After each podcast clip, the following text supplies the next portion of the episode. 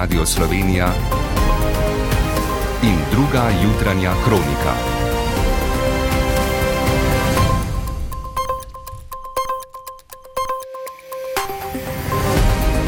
Ura je sedem.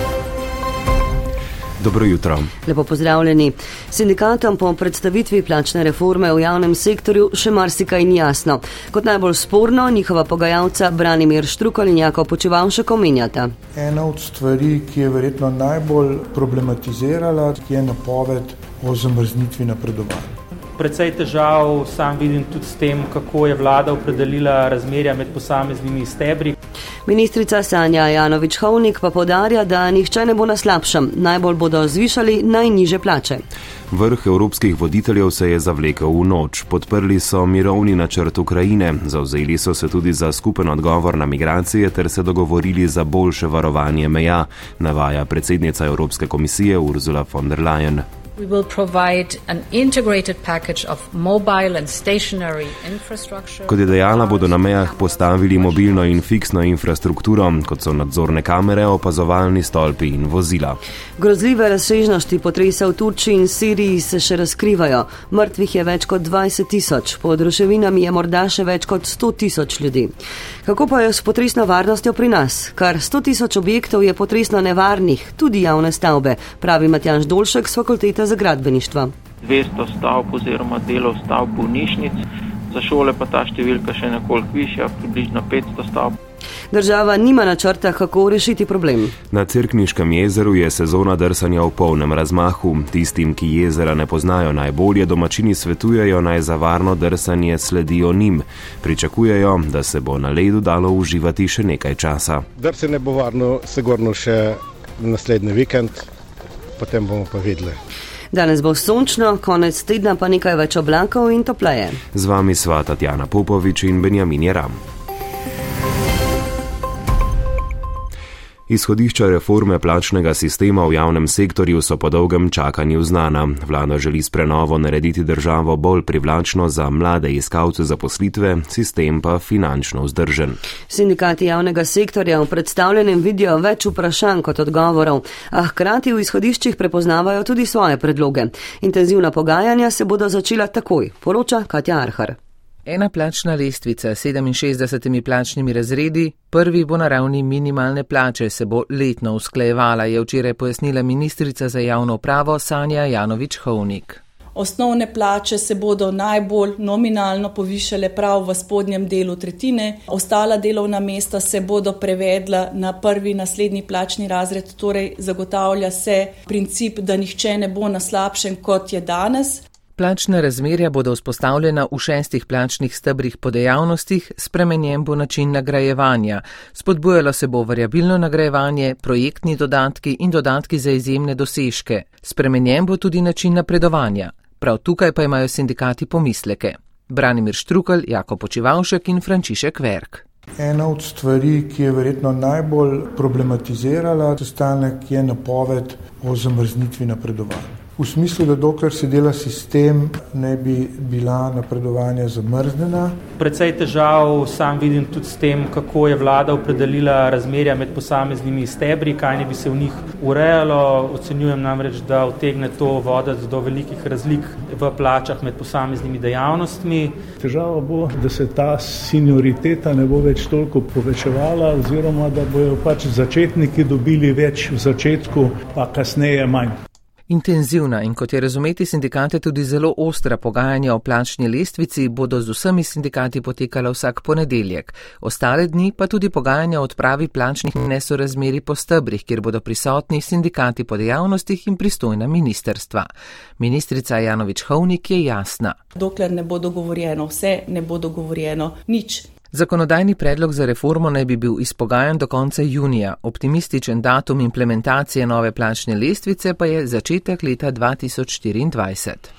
Sabarice in čistilke v Grand Hotelu Bernardin so včeraj tudi uradno izvedele, da jih bodo prezaposlili k novemu delodajalcu. To bo družba Aktiva čiščenje, ki jo je skupina Sava Turizem izbrala za zunanjega izvajalca dejavnosti čiščenja. Odločitev je pri delavkah naletela na ogorčenje. Napovedujejo, da bodo proti temu uporabile vsa sredstva in to bodo njihove predstavnice povedale tudi na današnjem posvetu z vodstvom družbe. Več jasna preskar.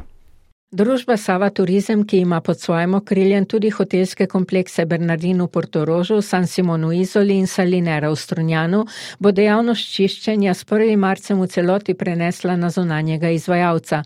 Sobarice in čistilke v Grand Hotelu Bernardin se temu upirajo in napovedujejo odločen boj proti spremembi.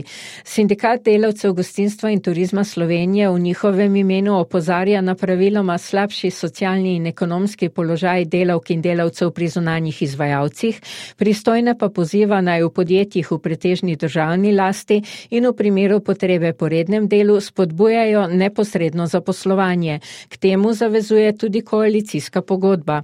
Vodstvo družbe za danes klicuje svet delavcev in vabi na pogovor sindikaliste, da bi se pomenili prav o prenosu dejavnosti na zunanje izvajalce. Ti za Savo turizem že izvajajo varovanje, pranje, reševanje iz vode in nekatere druge dejavnosti, že deset let pa povsod razen v Grand Hotelu Bernardin tudi čiščenje, ki ga bo zdaj prevzela družba Aktiva čiščenje. Delovkam bodo predtem zvišali plače, napovedali so 18 odstotno povišanje, a bo to dejansko nižje, mendale 11 odstotno. Voditelji članic Evropske unije so na izrednem vrhu v Bruslju podprli mirovni načrt za Ukrajino, ki ga je pripravil ukrajinski predsednik Volodimir Zelenski. Zauzeli so se tudi za vzpostavitev mednarodnega centra za pregon kaznivega dejanja agresije nad Ukrajino. Na zasedanju, ki se je zavleklo pozno v noč, so podprli ukrepe za preprečevanje nezakonitih migracij in zagotavljanje mednarodne konkurenčnosti evropske industrije. Vrh je spremljala Mojca Širok. Potem, ko se je prvega dela vrha včeraj udeležil tudi ukrajinski predsednik, so evropski voditelji na drugem delu zasedanja zagrizli v kislo jabolko iskanja skupnih rešitev na področju migracij. In razprava, ki se je vrtela predvsem okoli okrepljenega varovanja zunanje meje Evropske unije in bolj uspešnega vračanja migrantov, ki v Uniji nimajo pravice do mednarodne zaščite, po neuradnih informacijah ni potekala gladko. V sklepih so voditelji Evropsko komisijo na zadnje vendarle pozvali naj za gradnjo infrastrukture za varovanje meja mobilizira znatna finančna in druga sredstva. One of the uh, pilot uh, we are aiming at, for example, has an existing fence, but nothing else. V enem od pilotnih projektov, ki ga dopolnjujemo, je ograja na meji že obstajala, a to ni bilo dovolj. Potrebujemo kamere, elektronski nadzor, ceste vzdolž ograj, opremljeno osebje, nadzorne stolpe in vozila, je na novinarski konferenci povedala predsednica Evropske komisije Ursula von der Leyen. Glede vračanja migrantov, ki v Uniji ne morejo dobiti azila, so se zauzeli za okrepitev sodelovanja z državami izvora in tranzita, pa tudi za omejitve pri vizumski politiki do države, ki ne sodeluje pri sprejemanju svojih državljanov. Število umrlih v ponedeljkovem potresu v Turčiji in Siriji je preseglo 21 tisoč, vendar Združeni narodi opozarjajo, da razsežnosti katastrofe še zdaleč niso znane in da se bo število smrtnih žrtev še naprej povečevalo. Reševalci nadaljujejo iskanje morebitnih preživelih, a upanja za pogrešane je vse manj. Tako reševanje kot življenje preživelih, ki so ostali brez domov, močno otežujejo nizke temperature, pomankanje začasnih namestitev, hrane in vode. Reševalcem poleg tega primankuje prevoznih sredstev, veliko infrastrukture je uničene, v Siriji zapletajo reševanje še politične razmere. Severozahod države namreč nadzorujejo uporniki. Združeni narodi so zato vla, sirsko vlado in upornike pozvali naj omogočijo dostavo pomoči na prizadeta območja. Tudi generalni sekretar svetovne organizacije Antonijo Guterres opozarja na katastrofalne razmere v Siriji. The earthquake struck at the humanitarian crisis in North, as the humanitarian crisis in northwest Syria was already worse. Potres je udaril v času, ko se humanitarne razmere na severozahodu Sirije sicer že sicer poslabšujejo in so potrebe prebivalstva največje po začetku konflikta. Združeni narodi si prizadevamo povečati pomoč, na območje pošiljamo dodatne strokovnjake in usklajujemo delo reševalnih in človekoljubnih ekip. Turški predsednik Recep Tayyip Erdogan pa je razmere označil za katastrofo stoletja. Tudi Slovenija je potresno ogrožena, zlasti območje ob meji z Italijo, zahodno od Bovca, okrog Idrije, Brežic ter Ljubljane. O potresu bi največ škode nastalo na stavbah, ki so bile zgrajene pred letom 1964, pred potresom v Skopju, kot rezultat hitre in površne graditve s slabimi gradbenimi materijali. Takšnih je več deset tisoč. Natančnejših informacij o potresni varnosti nimamo, čeprav so zelo pomembne. Zakaj imamo, da nimo energetske izkaznice stavb, potresnih pa ne? Alenka Trlep. Nepremičnina ima energetsko izkaznico pod lepo fasado, pa je objekt, ki bi se ob potresu zrušil sam vase kot hiša iz kart. Študija iz leta 20 je pokazala, da je kar 100 tisoč objektov uvrščenih v kategorijo dolgoročnega nedopustnega potresnega tveganja. Kaj bi se zgodilo v Ljubljani danes ob potresu, kakršen je bil leta 1895? Dr. Matjaš Dolšek z Fakultete za gradbeništvo približno 7,2 milijarde evrov neposredne škode na stavbah in približno 330 mrtvih ljudi. V Ljubljani je kar nekaj tako nevarnih stolpnic, da bi jih morali takoj porušiti. Zagotovo takšnega stanovanja ne bi kupili, niti ga ne bi oddali pod najemnikom. Zato bi bila ta informacija, torej potresna izkaznica, nujna. Toda? Bi verjetno cene določenim stavbam padle, kar pa ni v interesu vseh. Po naših informacijah interesa nima niti država, saj bi to pomenilo manj pobranega davka od nepremičnin. To, da na še eno dejstvo opozarja Dolšek, potresno nevarne so tudi javne zgradbe, kot denimo šole in vrci in 200 stavb oziroma delov stavb bolnišnic, približno 330 tisoč kvadratnih metrov takšnih objektov eh, ni eh, spremljivo stališča potresnega tveganja za šole pa ta številka še nekoliko višja, približno 500 stavb. V državi strateških načrtov, kako problem urediti, ni. Resolucija je v sklejevanju že nekaj let in za nameček je spremenjeni gradbeni zakon znižal tudi nadzor nad gradnjo samo. A kot pravi Dolšek, ljudje ne umirajo zaradi tresenja tal, pač pa slabo zgrajenih objektov. Druga jutranja kronika. Ura je 7 in 12 minut. Ob včerajšnji premjeri svojega petega celovečerca MRI je ljubljanski kinodvor obiskal romunski cineast Kristjan Munđiu, eden od prvih in najpomembnejših predstavnikov tako imenovanega romunskega novega vala. Za film 4 meseci, 3 tedni in 2 dneva je leta 2007 dobil Zlato palmo v Kanu, prvo za romunski film. Tudi njegov novi film so uvrstili v tekmovalni del festivala, zdaj je prišel na redni spored v slovensko art kino mrežo. Tisa Drev Juh se je srečala z režiserjem. MRI je kratica za magnetno resonanco in prav tako naslov zadnjega filma Kristjana Munđivja, postavljenega v vasu v Transilvaniji, v katero se vrne glavni lik, da bi se spet vključil v vzgojo svojega sinčka. Pri tem pa postane priča frustracijam in konfliktom, ki privrejo na površje vaške skupnosti, ko v lokalni pekarni zaposlijo dva tujca in potem še enega. Kristjan Munđiv o izhodišču za film. Vedno, ko sem s svojimi filmi potoval po svetu, so mi ljudje govorili o razlikah med vzhodom in zahodom, o tem, kako različno ljudje dojemajo resnico glede istih stvari na različnih koncih sveta.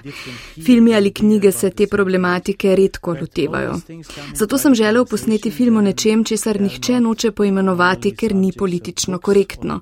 Zdi pa se mi pomembno, da ljudje lahko izrazijo svoje strahove, kako čutijo do svojih sosedov in do združene Evrope tudi če s tem niso politično korektni.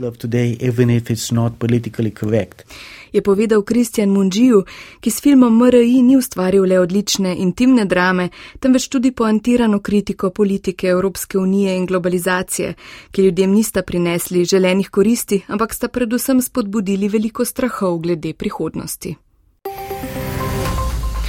Zdaj pa ideja za zadnje počitniške dni. Vselej čarobno in lepo crkniško jezero je v teh hladnih dneh pravi raj za ljubitelje drsanja. Ponekod je let ravno dovolj de debel za drsanje brez skrbi, tistim, ki tega notranskega naravnega čudesa ne poznajo najbolje, pa svetujejo naj sledijo domačinom, saj ti vedo, kje se lahko skrivajo tudi morebitne pasti. Prispevek Marka Škrlja. Tole je zvok drsalk, ko se Gregor Kebez dolenjega jezera ustavi na robu ledenja vklep odetega Cerniškega jezera. Ponavadi prvi spali so preveri, kje je led dovolj debel. Na Facebook, eh, da, da je varno, približno pokažem, dokaj drži in tako naprej. Pride pa tudi dosti eh, odrgej ljudi. One pa čist ne vejo točno, kaj drsati, zato bi, bi ob te priložnosti rekel, naj drsajo tam, kjer drsajo domačine kjer je drsalcev največ, je uredil reševalno točko. Ker je gor boja, pa štrik, da se lahko po nesrečence pomaga čim prej priti z vode. Bi pa ob tej priložnosti naj bo tu ena taka iskra, eh, tudi za notranski park je skrbnik tega območja, da bi tudi še drugej po jezere postavili te točke. Sogovornik pričakuje, da napovedana od juga ledu še ne bo stopila. Drse ne bo varno, se gorno še naslednji vikend potem bomo pa videli, kaj bo Bog dal. Franci Mulec pa občutke na drsalkah opiše takole: Svoboda, eh, razsežnost, eh, ni meja. Na ledu najbolj uživajo otroci, za Jonatana in nada lepših počitnic ni. Ja, za me je v bistvu carci, pač ta čar, da igramo hokej s prijatelji čez cel dan. Pa zato, ker lahko igraš hokej, se družiš s prijatelji, ker doma je dolg čas. Marjeta iz Kranja je na počitnicah pri starih starših, obiskuje tudi umetna drsališča, a Cerkniško jezero je nekaj posebnega. Ta prava voda je um, in je pač naravno zaledenela, niso ne.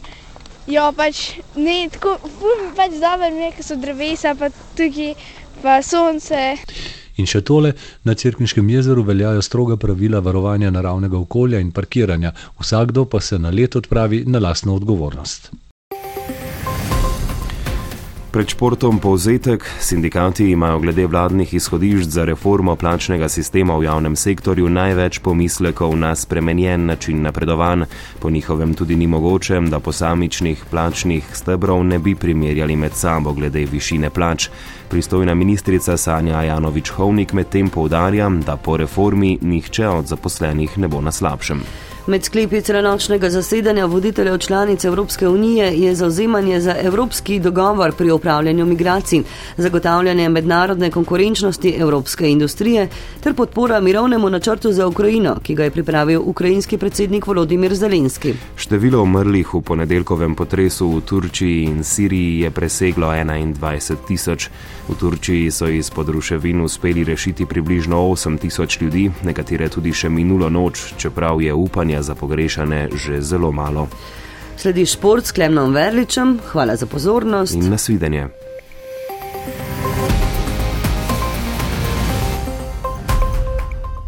Potem, ko je za svojo prvo zlato kolajno včeraj na supervele slalomski preizkušnji alpskih smučarjev na svetovnem prvenstvu za stotinko sekunde Norvežana Aleksandra Omota Kildeja prehitev kanačan James Crawford, je v Kurševelu pred jutrišnjo smukaško preizkušnjo smučark na sporedu prost tekmovalni dan.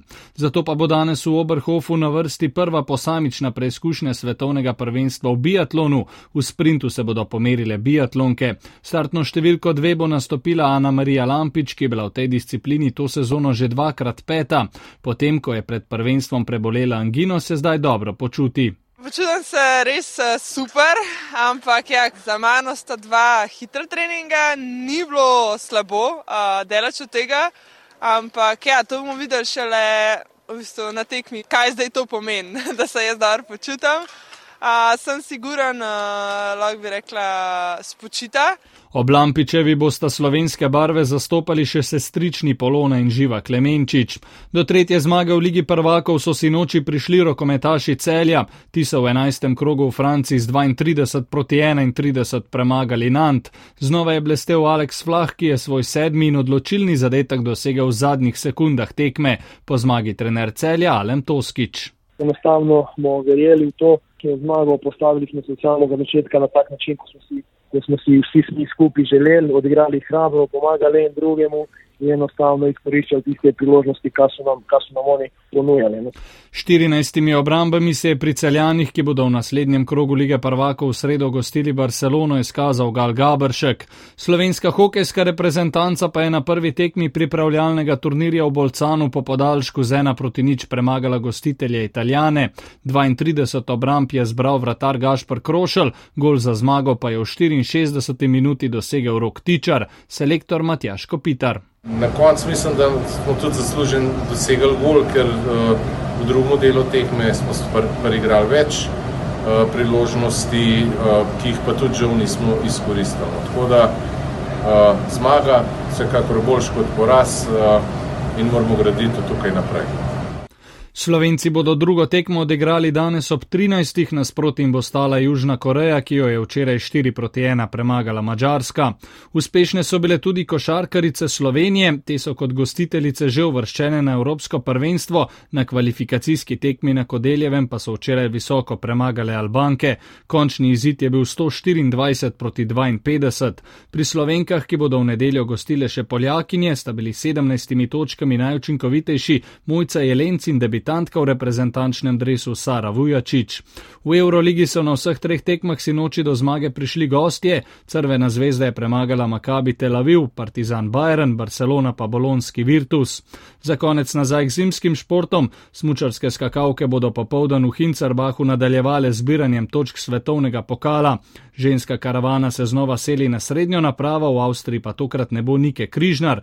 Močno pomlajena slovenska vrsta največ pričakujejo Deme Klinec, ki je četrta v seštevku svetovnega pokala.